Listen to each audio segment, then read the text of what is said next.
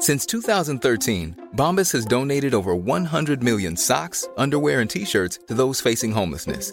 If we counted those on air, this ad would last over 1,157 days. But if we counted the time it takes to make a donation possible, it would take just a few clicks. Because every time you make a purchase, Bombas donates an item to someone who needs it. Go to bombas.com slash ACAST and use code ACAST for 20% off your first purchase. That's bombas.com slash ACAST, code ACAST. Media. Het is oorlog in Europa. Gaan we allemaal dood in een kernoorlog? Nee, ik denk het niet. Gaat de oorlog de wereld veranderen? Dat weet ik zeker. In samenwerking met Dagblad Trouw probeer ik met deze podcast grip te krijgen op de oorlog.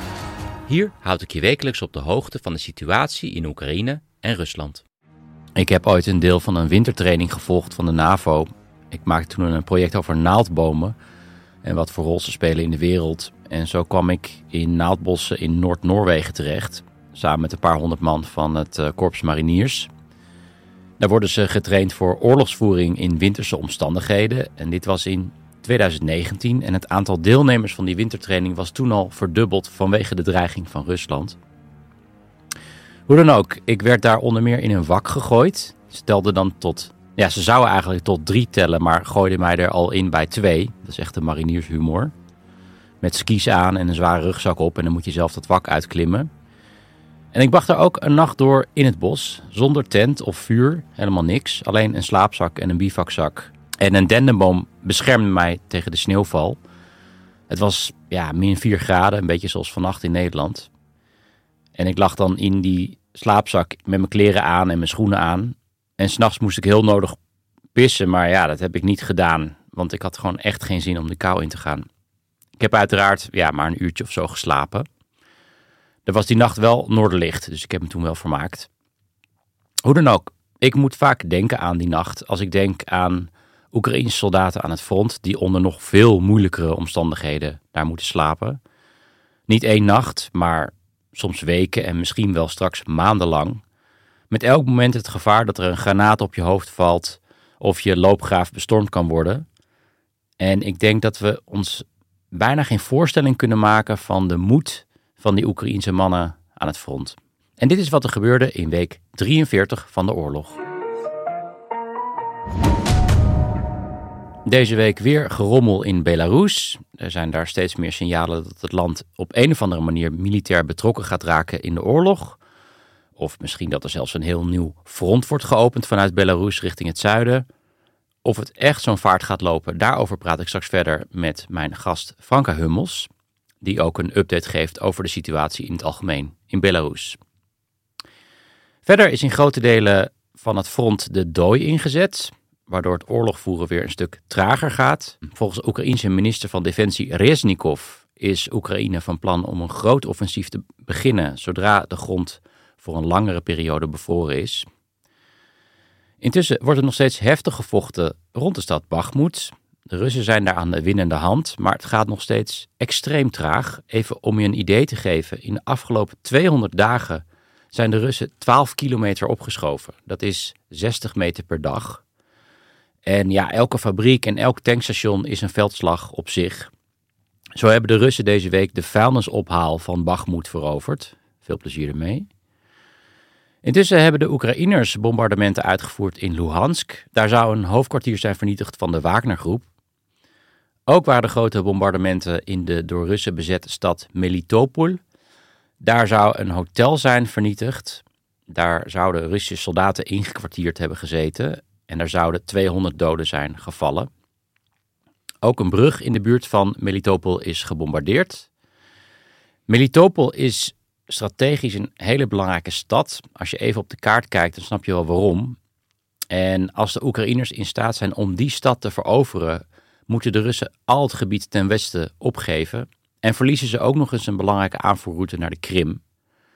Bovendien zijn in die stad veel partizanen actief uh, ja, die ook het Oekraïnse leger kunnen helpen. Dus dat is iets om in de gaten te houden. Ten slotte deze week dook Igor Girkin op in Moskou. Dat is de man die schuldig is bevonden aan het neerhalen van vlucht MH17. Hij vertrok in oktober naar het front om daar te gaan vechten. Maar het schijnt dat hij vanuit daar is weggestuurd. En nu zit hij dus in Moskou. Waar ze absoluut niet op hem zitten te wachten. Op het eerste gezicht. Want hij is heel erg kritisch op het Kremlin. En ook het militaire geklungel van uh, Rusland. En hij heeft ook een veel gelezen telegramkanaal. Waar hij soms echt vernietigende kritiek heeft op de Russische autoriteiten. Grappig genoeg wordt die, dat kanaal ook heel goed gelezen door Oekraïners. Dus het is een beetje raadsel waarom hij in Moskou zit. Het zou kunnen zijn dat ze op het Kremlin bang waren dat Kirkin gevangen genomen zou worden en uitgeleverd zou worden aan Den Haag. Over uitleveren gesproken, deze week is de Amerikaanse basketbalspeler Britney Griner, die gevangen zat in Rusland, geruild voor een andere gevangene, een Russische gevangene in de Verenigde Staten. Dat is de wapenhandelaar Victor Bout. Die Grimes, die basketbalspeelster, die zat in Rusland vast omdat ze 1 gram cannabisolie in haar tas had. Bout aan de andere kant, uh, met trouwens de bijnaam handelaar van de dood. En in de jaren 90 na Bin Laden de meest gezochte crimineel door de FBI. Die zat vast omdat hij op grote schaal jarenlang illegaal wapens leverde aan echt de meest verschrikkelijke regimes over de hele wereld. Van Kalashnikovs tot helikopters. Onder meer ook aan kindsoldaten in Liberia tijdens de burgeroorlog daar. Dus ja, al met al voor de Russen een prima ruil.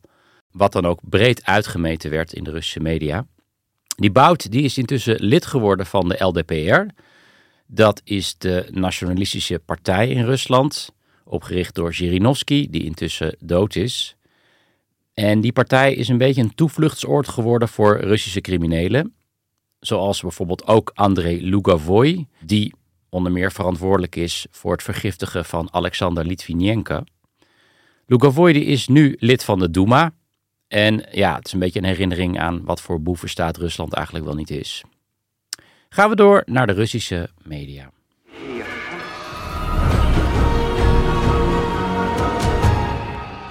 Die Victor Bout die gaf een interview aan Russia Today, de spreekbuis van het Kremlin. En daar werd hij geïnterviewd door Maria Butina. Dat is nog een andere boef, die ook al in een Amerikaanse gevangenis had gezeten. In dit geval vanwege spionage. Bout die noemde haar het hele interview overigens Marina in plaats van Maria. Nou, het was een beetje de gebruikelijke tirade tegen het Westen. Maar er zaten echt wel een paar pareltjes tussen. Die Bout werd op een gegeven moment gevraagd wat hij het meest had gemist. in de tien jaar dat hij in een Amerikaanse gevangenis zat. Nou, ik zou dan bijvoorbeeld zeggen vrijheid of familie of op het strand liggen, weet ik veel. Maar hij antwoordde knoflook, dille, peterselie en wilde aardbeien. Um, en hij vertelde ook dat gevangenen elke donderdag kip kregen in die gevangenis, maar dat het altijd te veel was om op te eten. Nou, dat is natuurlijk echt inhumaan dat je in een gevangenis te veel eten krijgt. Ook ergerde hij zich eraan dat sommige mensen in Amerika geloven dat er 72 soorten genderidentiteit zijn. Dat noemde hij de zelfmoord van westerse beschaving. Een beetje hieraan gerelateerd. Eerder deze week vertelde de Russische minister van Buitenlandse Zaken Lavrov dat hij in Zweden verplicht was geweest om naar een genderneutrale wc te gaan. Dat noemde hij inhumaan. En dat vond ik best opvallend, want hij is minister van een land waar één op de drie mensen niet eens is aangesloten op de riolering. Waardoor er 40 miljoen mensen gedwongen zijn om bij min 30 te kakken in een huisje op het erf. Op een wc die overigens ook genderneutraal is, uh, volgens mij, maar dat terzijde. Verder goed nieuws uit Kiev. Burgemeester Klitschko opende daar een flat die in maart door de Russen kapot werd geschoten. De helft van de appartementen was toen volledig verwoest, maar is nu weer geheel gerenoveerd. Verder een prachtige reportage van trouwcorrespondent Michiel Driebergen, die het dorp Volchansk bezocht. Dat werd in september bevrijd en ligt op 5 kilometer van de Russische grens. Een gasleiding die zorgt daar voor verwarming. Maar die gasleiding is door de Russen opgeblazen en die leiding loopt deels door Rusland. Dus de Oekraïners kunnen hem ook niet repareren en kunnen dus ook niet warm blijven. En daarom wordt het hele dorp nu geëvacueerd. En ja, misschien is dit een beetje een voorbode voor wat andere Oekraïnse dorpen te wachten staat deze winter. Ik zet een link in de show notes. Verder ben ik in de Russische media gedoken en ik heb gekeken naar de plaatselijke media. Want die hebben vaak een grotere vrijheid en ja, zijn minder in de greep van het Kremlin, helemaal in de buitengebieden. Ik las twee interessante stukken op Baikal Journaal met nieuws uit Siberië. Het eerste bericht was zo bizar dat ik ging twijfelen of dit misschien een soort Siberische de speld was, maar dit is gewoon echt gebeurd. Ivan Lozev, een 26-jarige man uit de stad Chita, is opgepakt omdat hij had gedroomd over president Zelensky. En hij moet een boete van 30.000 roebel betalen, ofwel 450 euro. Hij had verteld over zijn droom in een Instagram-story op 22 september, rond de aankondiging van de mobilisatie. En Lozev die droomde dat hij dan zelf was gemobiliseerd en toen Zelensky tegenkwam.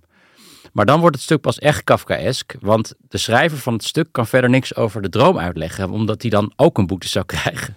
Dus we zullen nooit weten wat die droom nou echt was.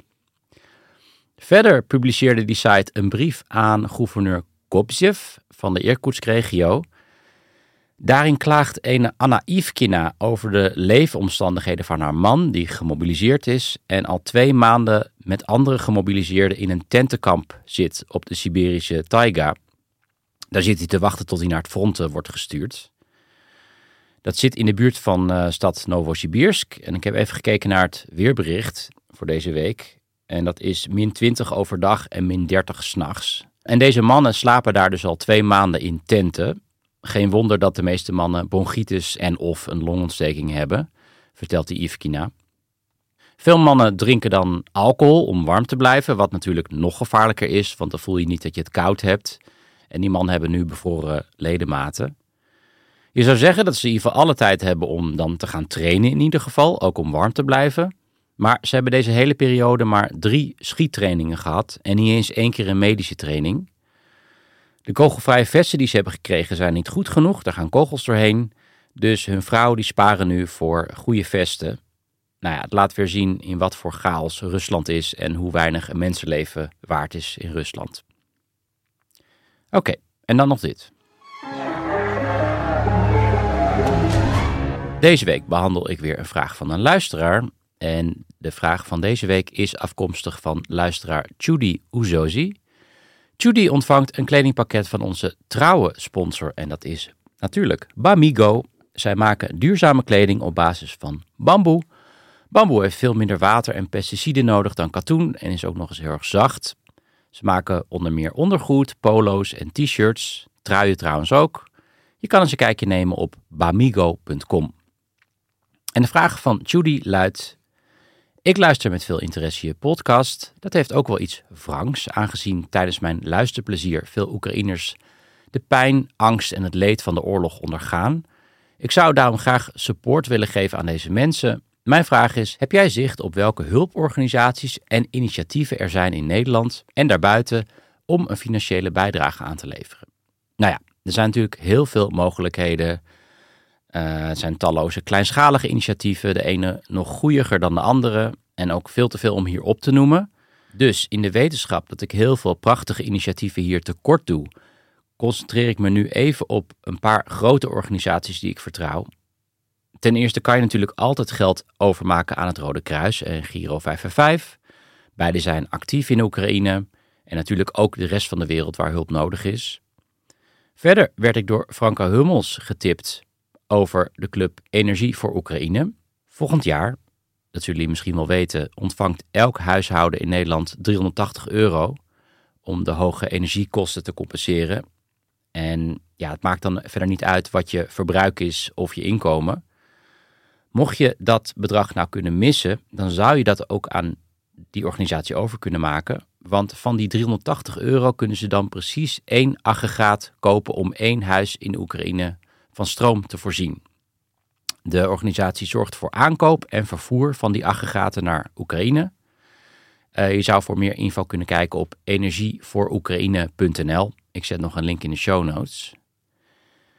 Het Oekraïense leger heeft ook hard hulp nodig. Er zijn talloze crowdfunding campagnes voor het kopen van drones en uh, zelfs munitie. Zelfs granaten waar je boodschappen op kan zetten. Mocht je dat nou te ver gaan, dan zou je ook kunnen kijken bij Saint Javelin. Die verkopen hele toffe kleding. En al het geld gaat onder meer naar het Oekraïnse leger. Zij zorgen voor medische kits voor soldaten, dus dat zijn tourniquets, et cetera. Ook voor deze website zal ik een link plaatsen in de show notes. Ik kreeg voor Sinterklaas een trui van St. Javelin met een Oekraïens omaatje erop en zonnebloemen.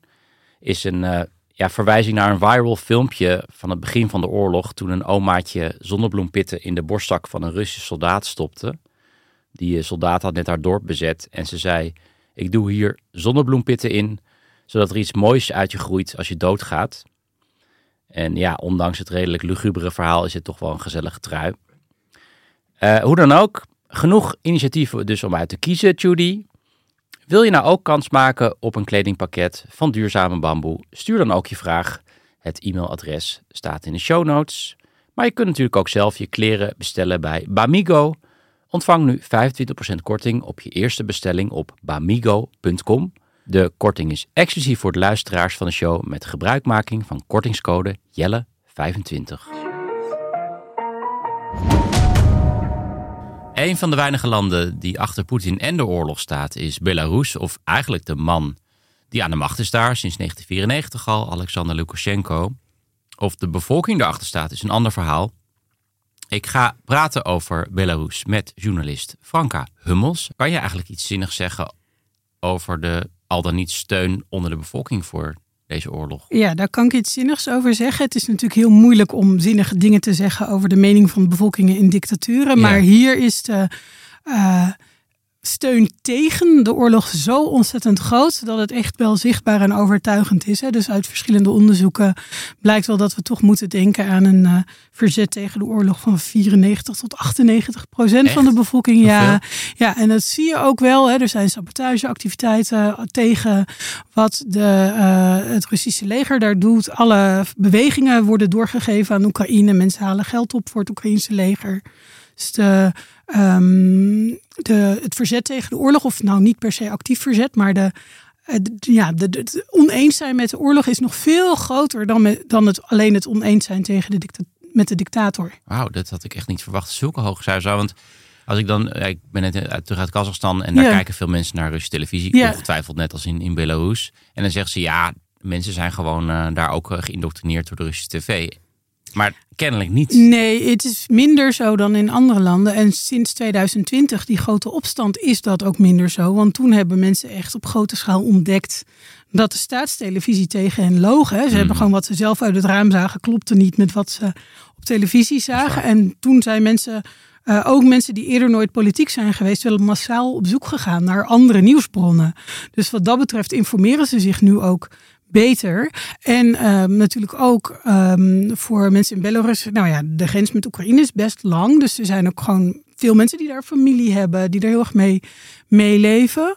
En um, ja, er is ook nog het idee omdat. Lukashenko kon alleen maar aan de macht blijven omdat hij steun kreeg van Poetin. Dus het is idee ook van een dubbele bezetting. Hè? Van eerst is het de dictator die claimt dat hij president is. En dan ook nog eens Rusland die over hem de macht heeft. Dus dat dat ook een bezetting is, alleen eentje zonder invasie. Ja. Uh, zonder aanvallende invasie. Want het leger is natuurlijk wel heel erg aanwezig, het Russische leger in Belarus. Dus dat zijn wel factoren waarom mensen dat bewust. Misschien speelt die uh, weerstand van de bevolking tegen de oorlog wel een rol met iets wat ik uh, las, of eigenlijk wat jij las afgelopen week, dat er een bepaalde uitroep illegaal is verklaard in Belarus. Kan je dat even uitleggen? Ja, dat is Zivje Belarus. Dat betekent leven Belarus. Dus echt gewoon zoiets als... Levensgevaarlijk. Ja, precies. Is echt uh, is meteen mensen voor de gevangenis insturen. En die staat nu op het lijstje met uh, nazi-terminologie. Dus dat is nu verboden. Die wit-rood-witte vlag die daarbij hoort, hè, die, die hebben we ook gezien tijdens die protesten in 2020. Die was al eerder verboden.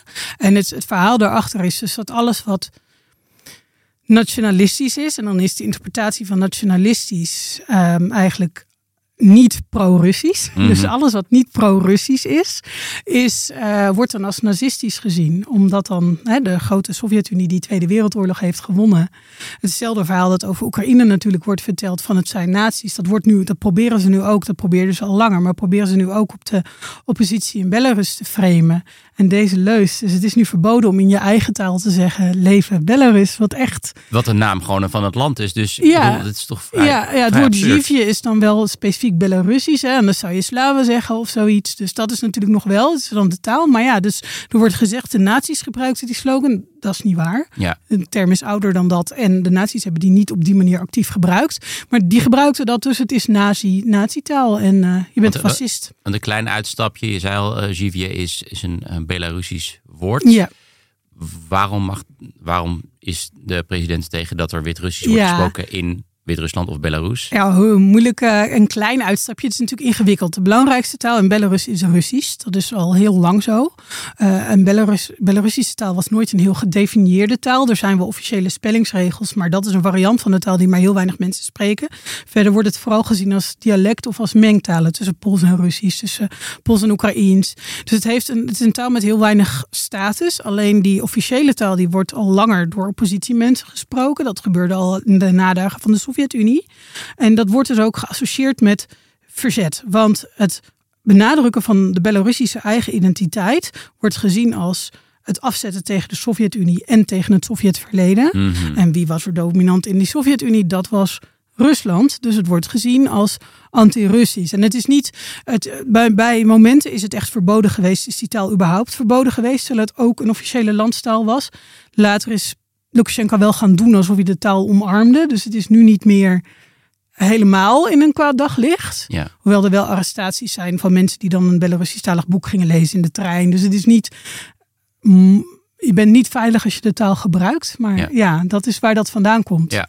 Is het eigenlijk niet, vind je het niet soms lastig dat eh, het nieuws uit Belarus en ik denk ook andere voormalige Sovjet-republieken een beetje ondergesneeuwd raakt door de gigantische hoeveelheid nieuws die uit Oekraïne komt? Ja, dat Het is. gaat gewoon door natuurlijk, die Ja. terreur in, in, eh, in Nee, Belarus. En, dat, en dat, dat is ook zo. En dat vinden Belarussen natuurlijk ook verschrikkelijk lastig. Want zij hebben het vreselijk zwaar. Maar ze weten ook dat Oekraïners het nog zwaarder hebben. Dus dan vinden ze het ook nog moeilijk om eh, aan de alarmbel te gaan hangen. Mensen in diaspora of zo. En ik bedoel natuurlijk zo'n mensenrechtenorganisatie. Die doet dat, want dat Mhm. is hun werk. En Ja. dan is dus ook het licht dat zo'n Nobelprijs... of Viasna heeft ook afgelopen week de eh, Nederlandse mensenrechtentulp gewonnen... Dat, dat doet ze goed, hè? want dan krijgt ze toch weer op die manier aandacht en waardering. En laat het ook zien dat er wel degelijk echt wel stemmen in die maatschappij zijn die zich proberen te verzetten met een hele hoge prijs. Want Baljatsky, die de prijs heeft gewonnen, die zit in de gevangenis.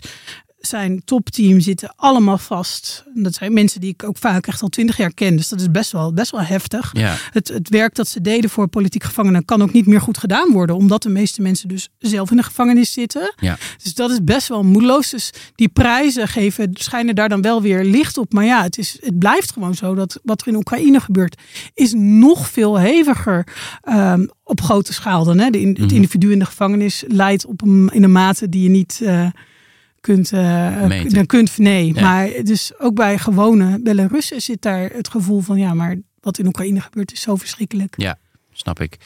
Ehm, iets waar ik een beetje mee twijfel eh, bij mijn podcast elke week is berichten dat al dan niet Belarusse militairen misschien betrokken gaan raken in het conflict. Het is een soort van terugkerend ritueel. Ja. En telkens moet ik een beetje inschatten van, Is het nou zo? Of is het nou is het niet nou zo of niet? Ja. Wat, wat, wat vind jij daarvan? Ik krijg die vraag dus ook heel erg veel. Bijvoorbeeld weer afgelopen weken. En toen waren er troepenbewegingen. En, en dat klopt, hè? En dan, eh, ja, dan ga Dat ik even bekijken wat geval is. Ja, ja, maar dan ging ik bekijken van wat het nu precies was. En dat komt voort uit afspraken die in oktober zijn gemaakt. even, voor duidelijkheid, troepenbewegingen van de Wit-Russische of eh, Belarusische materieel. Ja. materieel. Ja. Ja, en eh, dat zijn afspraken in oktober gemaakt tussen Rusland en Belarus. Het Belarussische leger is nog niet officieel betrokken. En dat is ook in een land waar zoveel mensen tegen die oorlog zijn niet slim. En het schijnt ook echt minder goed getraind te zijn dan het Russische leger. Dus eh, Poetin eh, heeft er niet zo heel veel aan. Maar ehm, dat niet betrokken zijn, behalve dan dat vanuit het land wordt aangevallen, dat staat wel lelijk. En in oktober hadden ze de gouden greep, want toen kwam het verhaal dat Oekraïne een dreiging zou vormen voor Belarus. Dus wat heeft toen, is er toen gebeurd? Niet Belarus gaat Rusland helpen bij die oorlog, maar Rusland gaat Belarus helpen Mhm. tegen de dreiging tegen Oekraïne. En dat is dan wel een nog verdergaande militaire samenwerking die er nu al is. En toen riepen ook veel mensen, ja, daar gaat gemobiliseerd worden. Maar in de praktijk betekent het vooral dat eh, Rusland kan cherrypicken uit Belarusisch materieel. Want daar zit natuurlijk een heel groot probleem voor Rusland op dit moment. Van hè, hoe kom je aan genoeg materieel? Mensen hebben ze genoeg. En dat, dat gebeurt er nu. En het is ook wel zo dat uh, soldaten, hoge, um, goed getrainde mensen die willen, die kunnen aan Russische zijde in Oekraïne vechten. Maar op dit moment vechten veel meer Belarussen aan Oekraïnse zijde in de oorlog. Er zijn Belarussische bataljons. Maar daar gaat die samenwerking nu over. En er is wel een oproep gedaan voor reservisten. En die zijn wel weer geteld en gekeken waar ze zijn. Maar die zijn nog niet echt getraind of zijn nog niet echt aan het vechten. Mensen zijn er nog steeds wel bang voor hoor. Het is niet zo van dat uh, mannen in, uh, in vechtleeftijd nu denken: oh joh, ik hoef niet. Nee. Maar het is niet. Um, mijn inschatting is dat het ook niet op korte termijn zal gebeuren. En Nee. dat deze samenwerking echt vooral gaat om materieel. Oké. En ook waarschijnlijk al- als er gewoon soldaten richting eh, Oekraïne gaan, die zullen misschien ook helemaal niet willen schieten of zo. weet je wel. Nee, nou ja, dus dan kiezen ze alleen de soldaten die dat wel willen. Ja, Precies. Dus ja. want aan die anderen heb je dus niet zoveel. Dan krijg je heel veel problemen met desertie. Nou, dan moet je je eigen deserteurs gaan berechten. Dat zet geen goede, eh, maakt geen goede indruk op de rest van de bevolking. Dus is op dit moment gewoon niet de handigste bron van jonge mannen om uit te putten voor Rusland. Ja. Eh, het is een pragmatische benadering. Ja. We gaan het zien komende tijd. En Laten Franka, we, ja. Dankjewel voor deze update eh, over Belarus. Heel fijn dat we een keertje over konden hebben. En ik hoop je nog een keertje te spreken. Ja. Dit was het voor deze week. Volgende week is de laatste uitzending voor de kerst. Dan ben ik even twee weken ertussenuit met de kerstvakantie. Ik heb nog wat kijktips voor je. Buitenhof had afgelopen zondag een goed item met Dirk Sauer en twee mensen van tv-station Dorst. Waar ik het vorige week al over had. Dat is zeker het terugkijken waard. Verder voor mensen met Netflix. eh, er staat een interview van David Letterman met Zelensky. Dat zou je eigenlijk alleen al moeten kijken vanwege het spectaculaire decor op het perron van een metrostation in Kiev. Verder staat er op Netflix echt een steengoede film eh, met de titel Im Westen nichts Neues. Dat is de verfilming van het gelijknamige boek over een Duitse soldaat aan het front in de Eerste Wereldoorlog. Zodat je een beetje ja, iets betere voorstelling krijgt van hoe het daar is aan het front in Oekraïne. Heb je in ieder geval wat te kijken deze week. Ik ben er zelf weer volgende week. Tot dan.